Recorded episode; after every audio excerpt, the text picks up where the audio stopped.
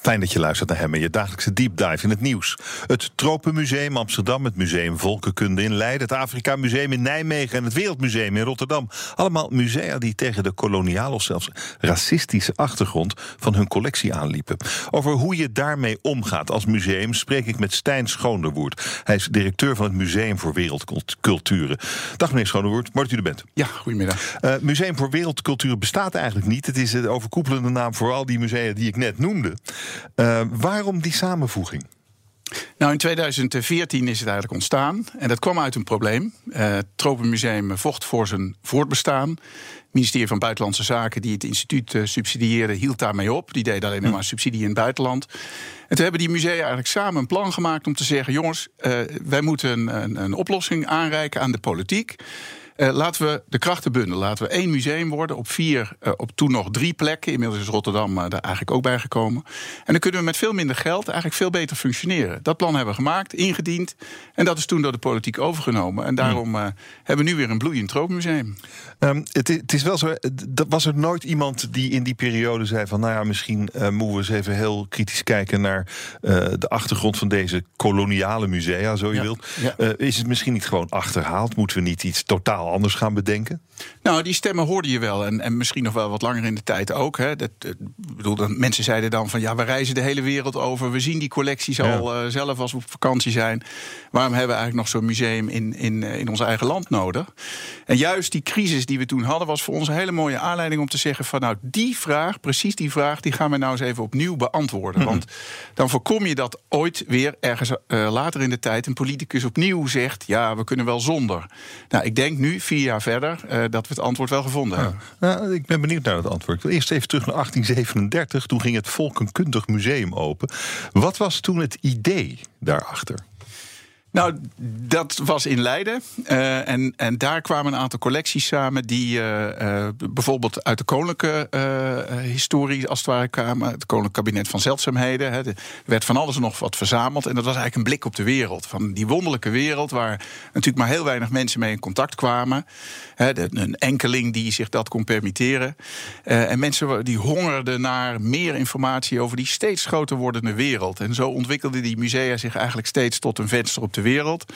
In Amsterdam ontstond op een gegeven moment het Koloniaal Museum. Dat is onderdeel van het Koninklijk Instituut voor de Tropen.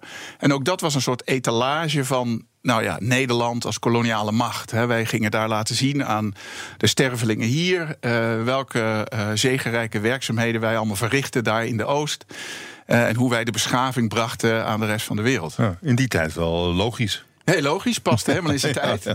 Ja hoor, dat, dat, uh, dat was eigenlijk onderdeel van, uh, van een ontwikkeling, zeker. En uh, u begon volgens mij in 2012 bij het Volkenkundig Museum. Ja, klopt. klopt. Wat, toen u daar begon, dat, nou, dat is een jaar of zes geleden... Wat, waar, wat zag u toen waarvan u dacht van ja, ja, dit kan eigenlijk niet meer wat we hier doen?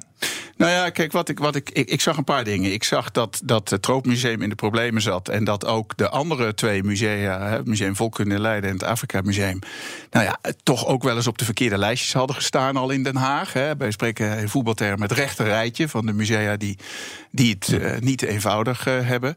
En um, nou, dat was op zich al aanleiding om te zeggen: jongens, volgens mij, we moeten een plan maken, we kunnen het beter. Uh, we merkten ook dat de onderwerpen die wij ja, eigenlijk in huis hebben met die collectie, al die ja. culturen van de wereld, dat die eigenlijk heel maatschappelijk relevant waren. Want samenleven met al die culturen, dat is wat we om de hoek doen. Niet ja. ver weg, hè, wat vroeger nog het beeld was van uh, verre landen, maar eigenlijk om de hoek. Maar een, een koloniaal museum met, ik denk ook veel geroofde kunstschatten.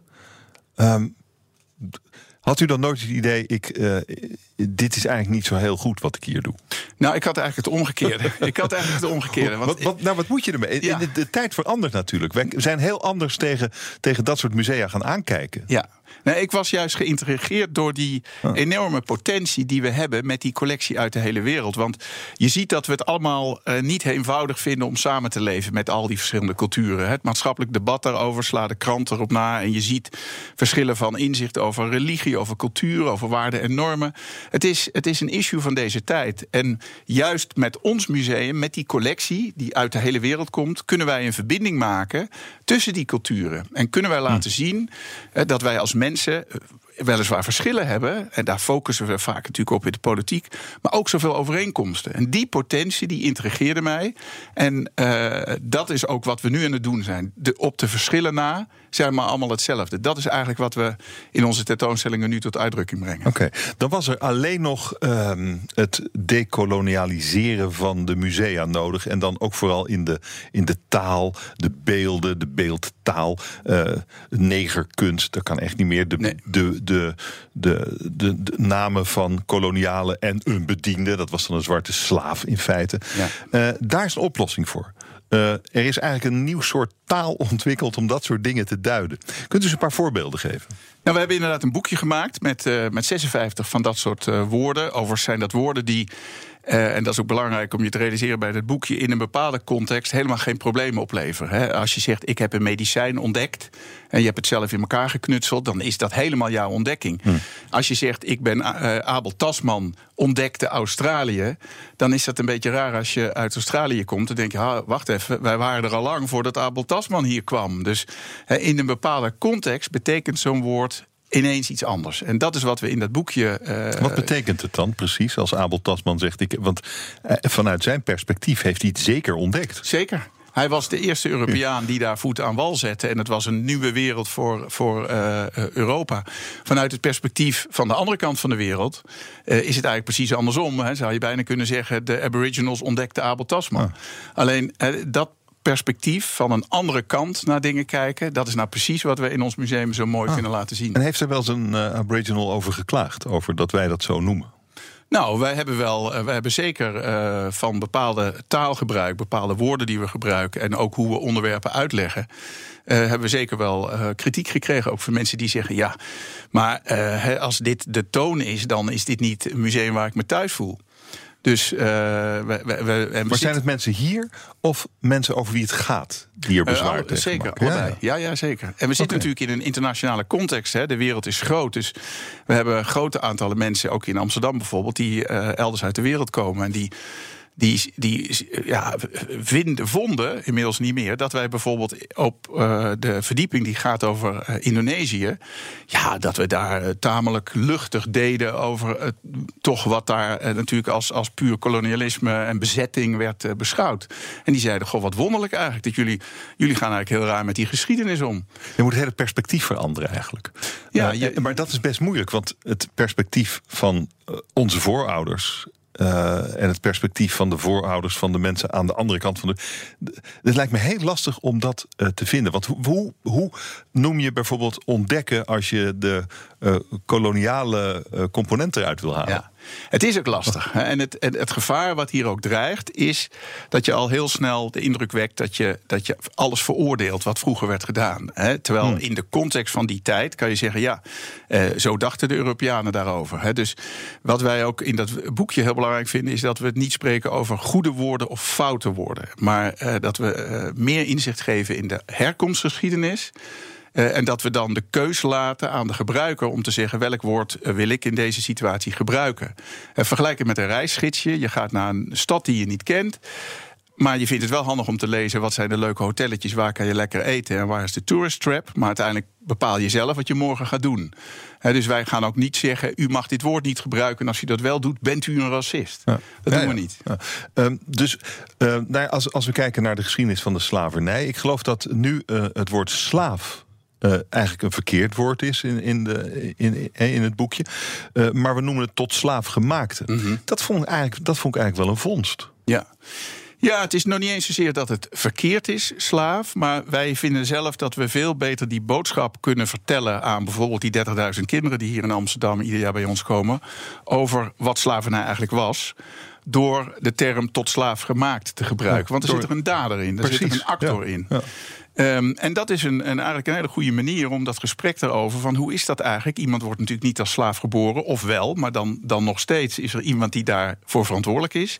En dat gevoel van verantwoordelijkheid, hè, hoe gaan we eigenlijk met elkaar om in de wereld en wat, heeft, wat voor geschiedenis heeft zich hier afgespeeld en welke rol speelde Nederland daarin? Nou, daar kunnen we dan het museum ook wat beter over vertellen. Is het niet ook een risico dat je de geschiedenis verandert? Door de woorden te veranderen? Nou, dat, is, dat zou, dat zou uh, heel onverstandig zijn. Want het is net alsof je het wegpoetst. Hè? En dat kan twee kanten opgaan. Uh, dat je het bij wijze van spreken allemaal veel erger maakt. Of dat je net doet alsof het, alsof het er niet was. Wat wij dus heel vaak doen, is dat we uh, bijvoorbeeld een woord als neger tussen aanhalingstekens plaatsen. Want zo heette dat schilderij. Hè? We gaan niet net doen alsof we het vroeger zwarte tot slaafgemaakte noemden. Want zo noemden we nee. het niet. Dus we zetten het dan tussen aanhalingstekens. En dan kan je of we wijzen erop dat we daar vroeger zo over spraken. En dan kan je ook snappen van, oh, wacht eens even. Ja, ja, ja, ja. Inmiddels hè, denken we daar misschien wat anders over. En waarom is dat eigenlijk? Dus die bewustwording die is heel belangrijk. Heeft u uh, na al die moeite die jullie gedaan hebben om, om, om de, de taal van het verleden uh, nou ja, aan te passen, of in elk geval te duiden, heeft u nog dingen gevonden in, in die collectie waarvan u dacht: wow, we hebben iets heel ergs over het hoofd gezien? Nou, nee. Ik, ik, het is natuurlijk voor ons niet iets wat we pas uh, een jaar aan het doen zijn of een half jaar. Hè? Want, dit is eigenlijk al een proces wat, uh, wat al, al, jaren speelt. Wij waren denk ik een van de eerste musea die al naar die woorden gingen kijken. Hè? Later hebben andere musea dat ook gedaan. Dus we hebben geen verrassingen gezien. Um, we hebben wel, uh, door er nog eens opnieuw kritisch naar te kijken, ontdekt dat we bijvoorbeeld in onze eigen teksten op onze locatie in Leiden, bijvoorbeeld, kwamen nog wel woorden tegen. Dat we zeiden: Oh ja, bosneger. Ja, uh, wacht eens even. Uh, Hoe noemden we dat ook alweer? Ja, oh, en wat is dat geworden? Maron. Maron. Uh, wat, wat, betekent dat dan? Nou, marron, ja, dat is. Uh, hier heb je er zo één dat, dat we zeggen van nou, hoe willen die. Is kastanje, toch? Ja, nee, het, het, ja, we kunnen het even opzoeken. Nee, de marron, dat zijn zeg maar de weggelopen slaven die zichzelf oh, vrijmaakten. Ja, okay, ja. uh, en die noemen zich de marron. Nou, en, en dat soort termen. Hè, die, dus we zijn nog lang niet klaar in die zin. Hè. We komen echt nog wel dingen tegen die, die anders kunnen.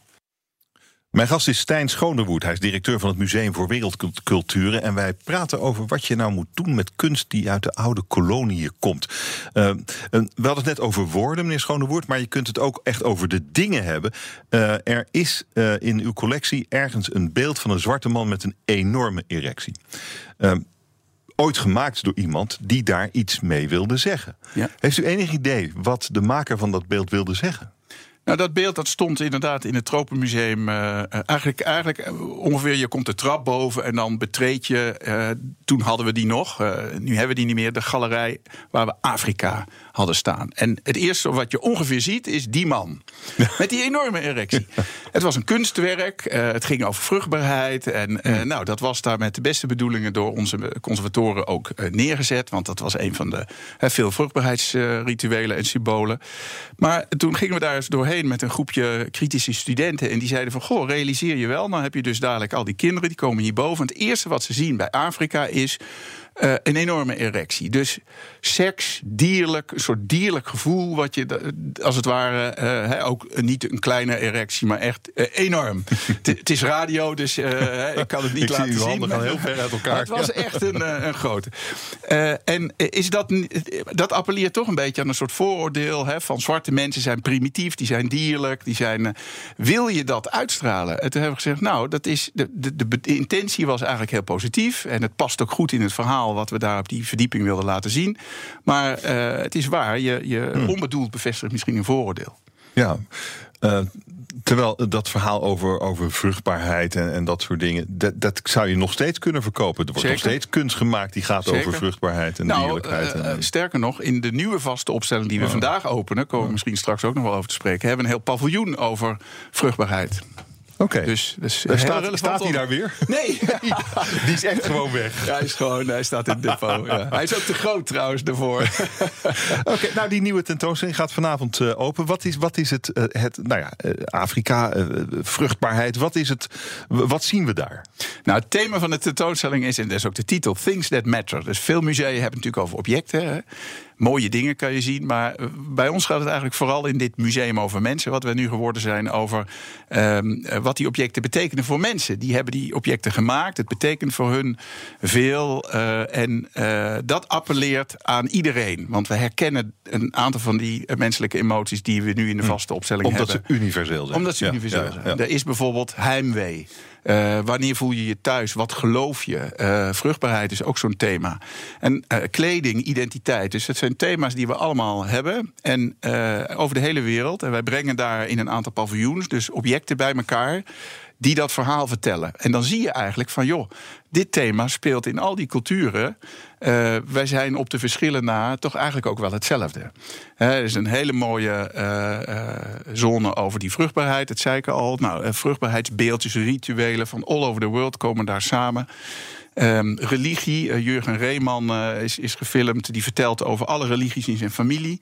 Die allemaal daar thuis. Uh, hij zegt ook: stel je voor hoe bij mij de kerstavond, het kerstdiner. met allemaal mm. verschillende gebeden. En dat kan allemaal samenleven. Dus daardoor ga je ook nadenken: van ja, op de verschillen na zijn we echt allemaal hetzelfde. Dus dat is wat, uh, wat de. Uh, ja, noemt u het over nog steeds koloniale uh, kunst? Komt het, uit de, het komt uit de kolonie. Het is op een bepaalde manier koloniale kunst, maar u geeft er een nieuwe betekenis aan. Nou, er is. ik moet het iets relativeren. Ik denk zeker de helft van onze collectie heeft geen koloniale herkomst. Hm. Japan is bijvoorbeeld een, een heel mooi voorbeeld. Want oh dat is een van de kerncollecties waarmee het museum in Leiden, hè, 18, u noemde het net al, is begonnen. dat was een collectie uit Japan. Dat was nooit een kolonie van Nederland. Daar hadden we handelsrelaties mee, maar op basis van uh, een hele zeg maar, zakelijke, typisch Hollandse relatie. Nou, daar, eh, dat is een, een, hele belangrijke collectie, maar daar zit niks koloniaals aan. Nee, maar uh, wel heel veel Nederlandse vlaggetjes op schepen in, de, in de baai van Decima, dat eilandje, die handelspost. Ja. Ik, ik, heb, ik zag er foto's van. Waarom is dat kamerscherm, heb ik nu over, uh, uit Japan. Waarom is dat zo bijzonder? Heeft, dat heeft ongetwijfeld te maken met die Nederlandse schepen en, en dat eilandje en die vlaggetjes. En, ja. ja. Ja, dat kamerscherm dat is echt een, een, een, een, een ontdekking geweest. Want we hebben het net uh, bekendgemaakt. We hebben een enorm kamerscherm gekocht. Vijf meter breed, uh, bijna twee meter hoog. Dus ongekend. Uh, acht panelen.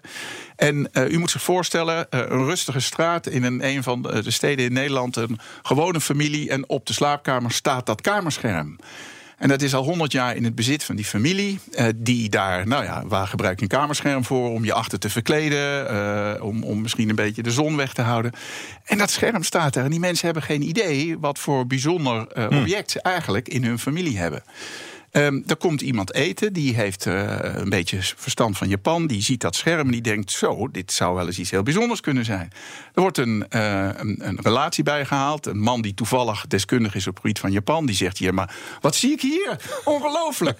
uh, en het, wat blijkt nou, hè, maar lang verhaal kort te maken: Kahawara Keiga, ik moet altijd oefenen op de naam. Japanse schilder die destijds in opdracht van de VOC allerlei uh, tafereelen in Japan schilderde. Dat werd mee naar Nederland genomen. En dan konden we hier in Nederland zien: dit is Japan en zo ziet het eruit. En daar lagen wij voor de kust. Hè. Wij waren het enige Europese of niet-Aziatische land dat mocht handelen met Japan.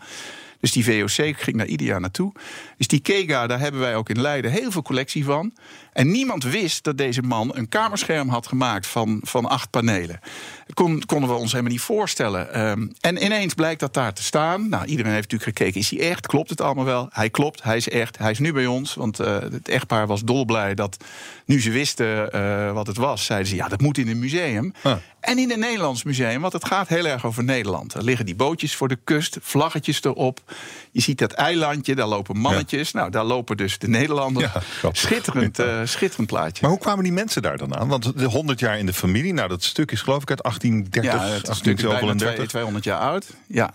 Oké. Dus uh, die mensen hebben dat naar alle waarschijnlijkheid. We hebben terug kunnen traceren tot een kunsthandelaar in Den Haag, die veel Aziatische kunst uh, verkocht. En er was een, een relatie tussen een van de voorouders van deze familie met die kunsthandelaar. Dus naar alle waarschijnlijkheid is het daar gekocht. Wat we nog niet hebben kunnen traceren, en dat is natuurlijk een soort spannend jongensboek, want dat zijn we nu aan het proberen. Wat is er gebeurd tussen het moment dat hij die schildering heeft gemaakt. En dat kunnen we weer terug traceren doordat er aan de achterkant van die schildering papier zit waar, nou ja, daar hebben onze deskundigen hebben dat in in tijd kunnen duiden. Dus dit moet ergens in 1836, zeggen we dan nu, geloof ik, uh, gemaakt zijn. Wat is er gebeurd tussen, tussen 1836 en het moment dat, dat we terugtraceren dat het hier in Nederland werd verhandeld? Ja, en dat weten we niet. Ja. Dat is fascinerend. dat is gaaf. Nou, het is dus, dat, ook dat is dus te zien, dat stuk. Uh, er is uh, nog niet zo lang geleden is het Nusantara Museum in Delft gesloten. Dat ging over kunst uit Nederlands-Indië, Indonesië, zouden we nu zeggen.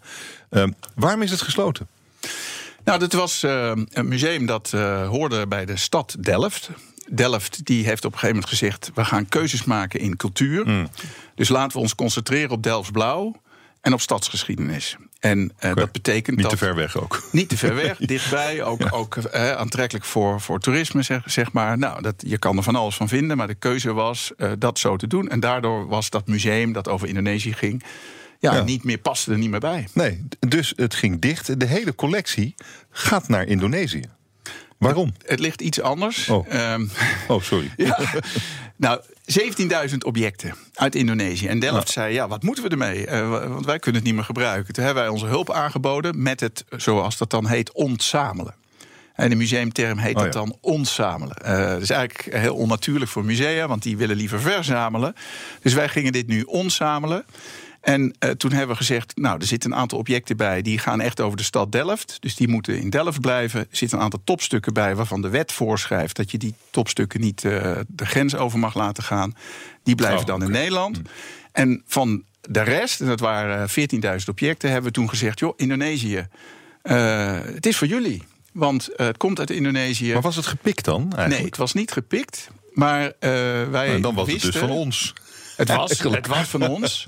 Jazeker. Um, maar wij, wij hebben natuurlijk gekeken van wat hebben wij al in onze eigen collectie hè, als, als Nederland. Dus wajangpoppen, krissen, hebben we die al? Nou, dus daar is eerst die selectie gemaakt, hè, wat ik net zei, van objecten die dan op basis van de wet hè, zo belangrijk zijn dat ze hier moeten blijven.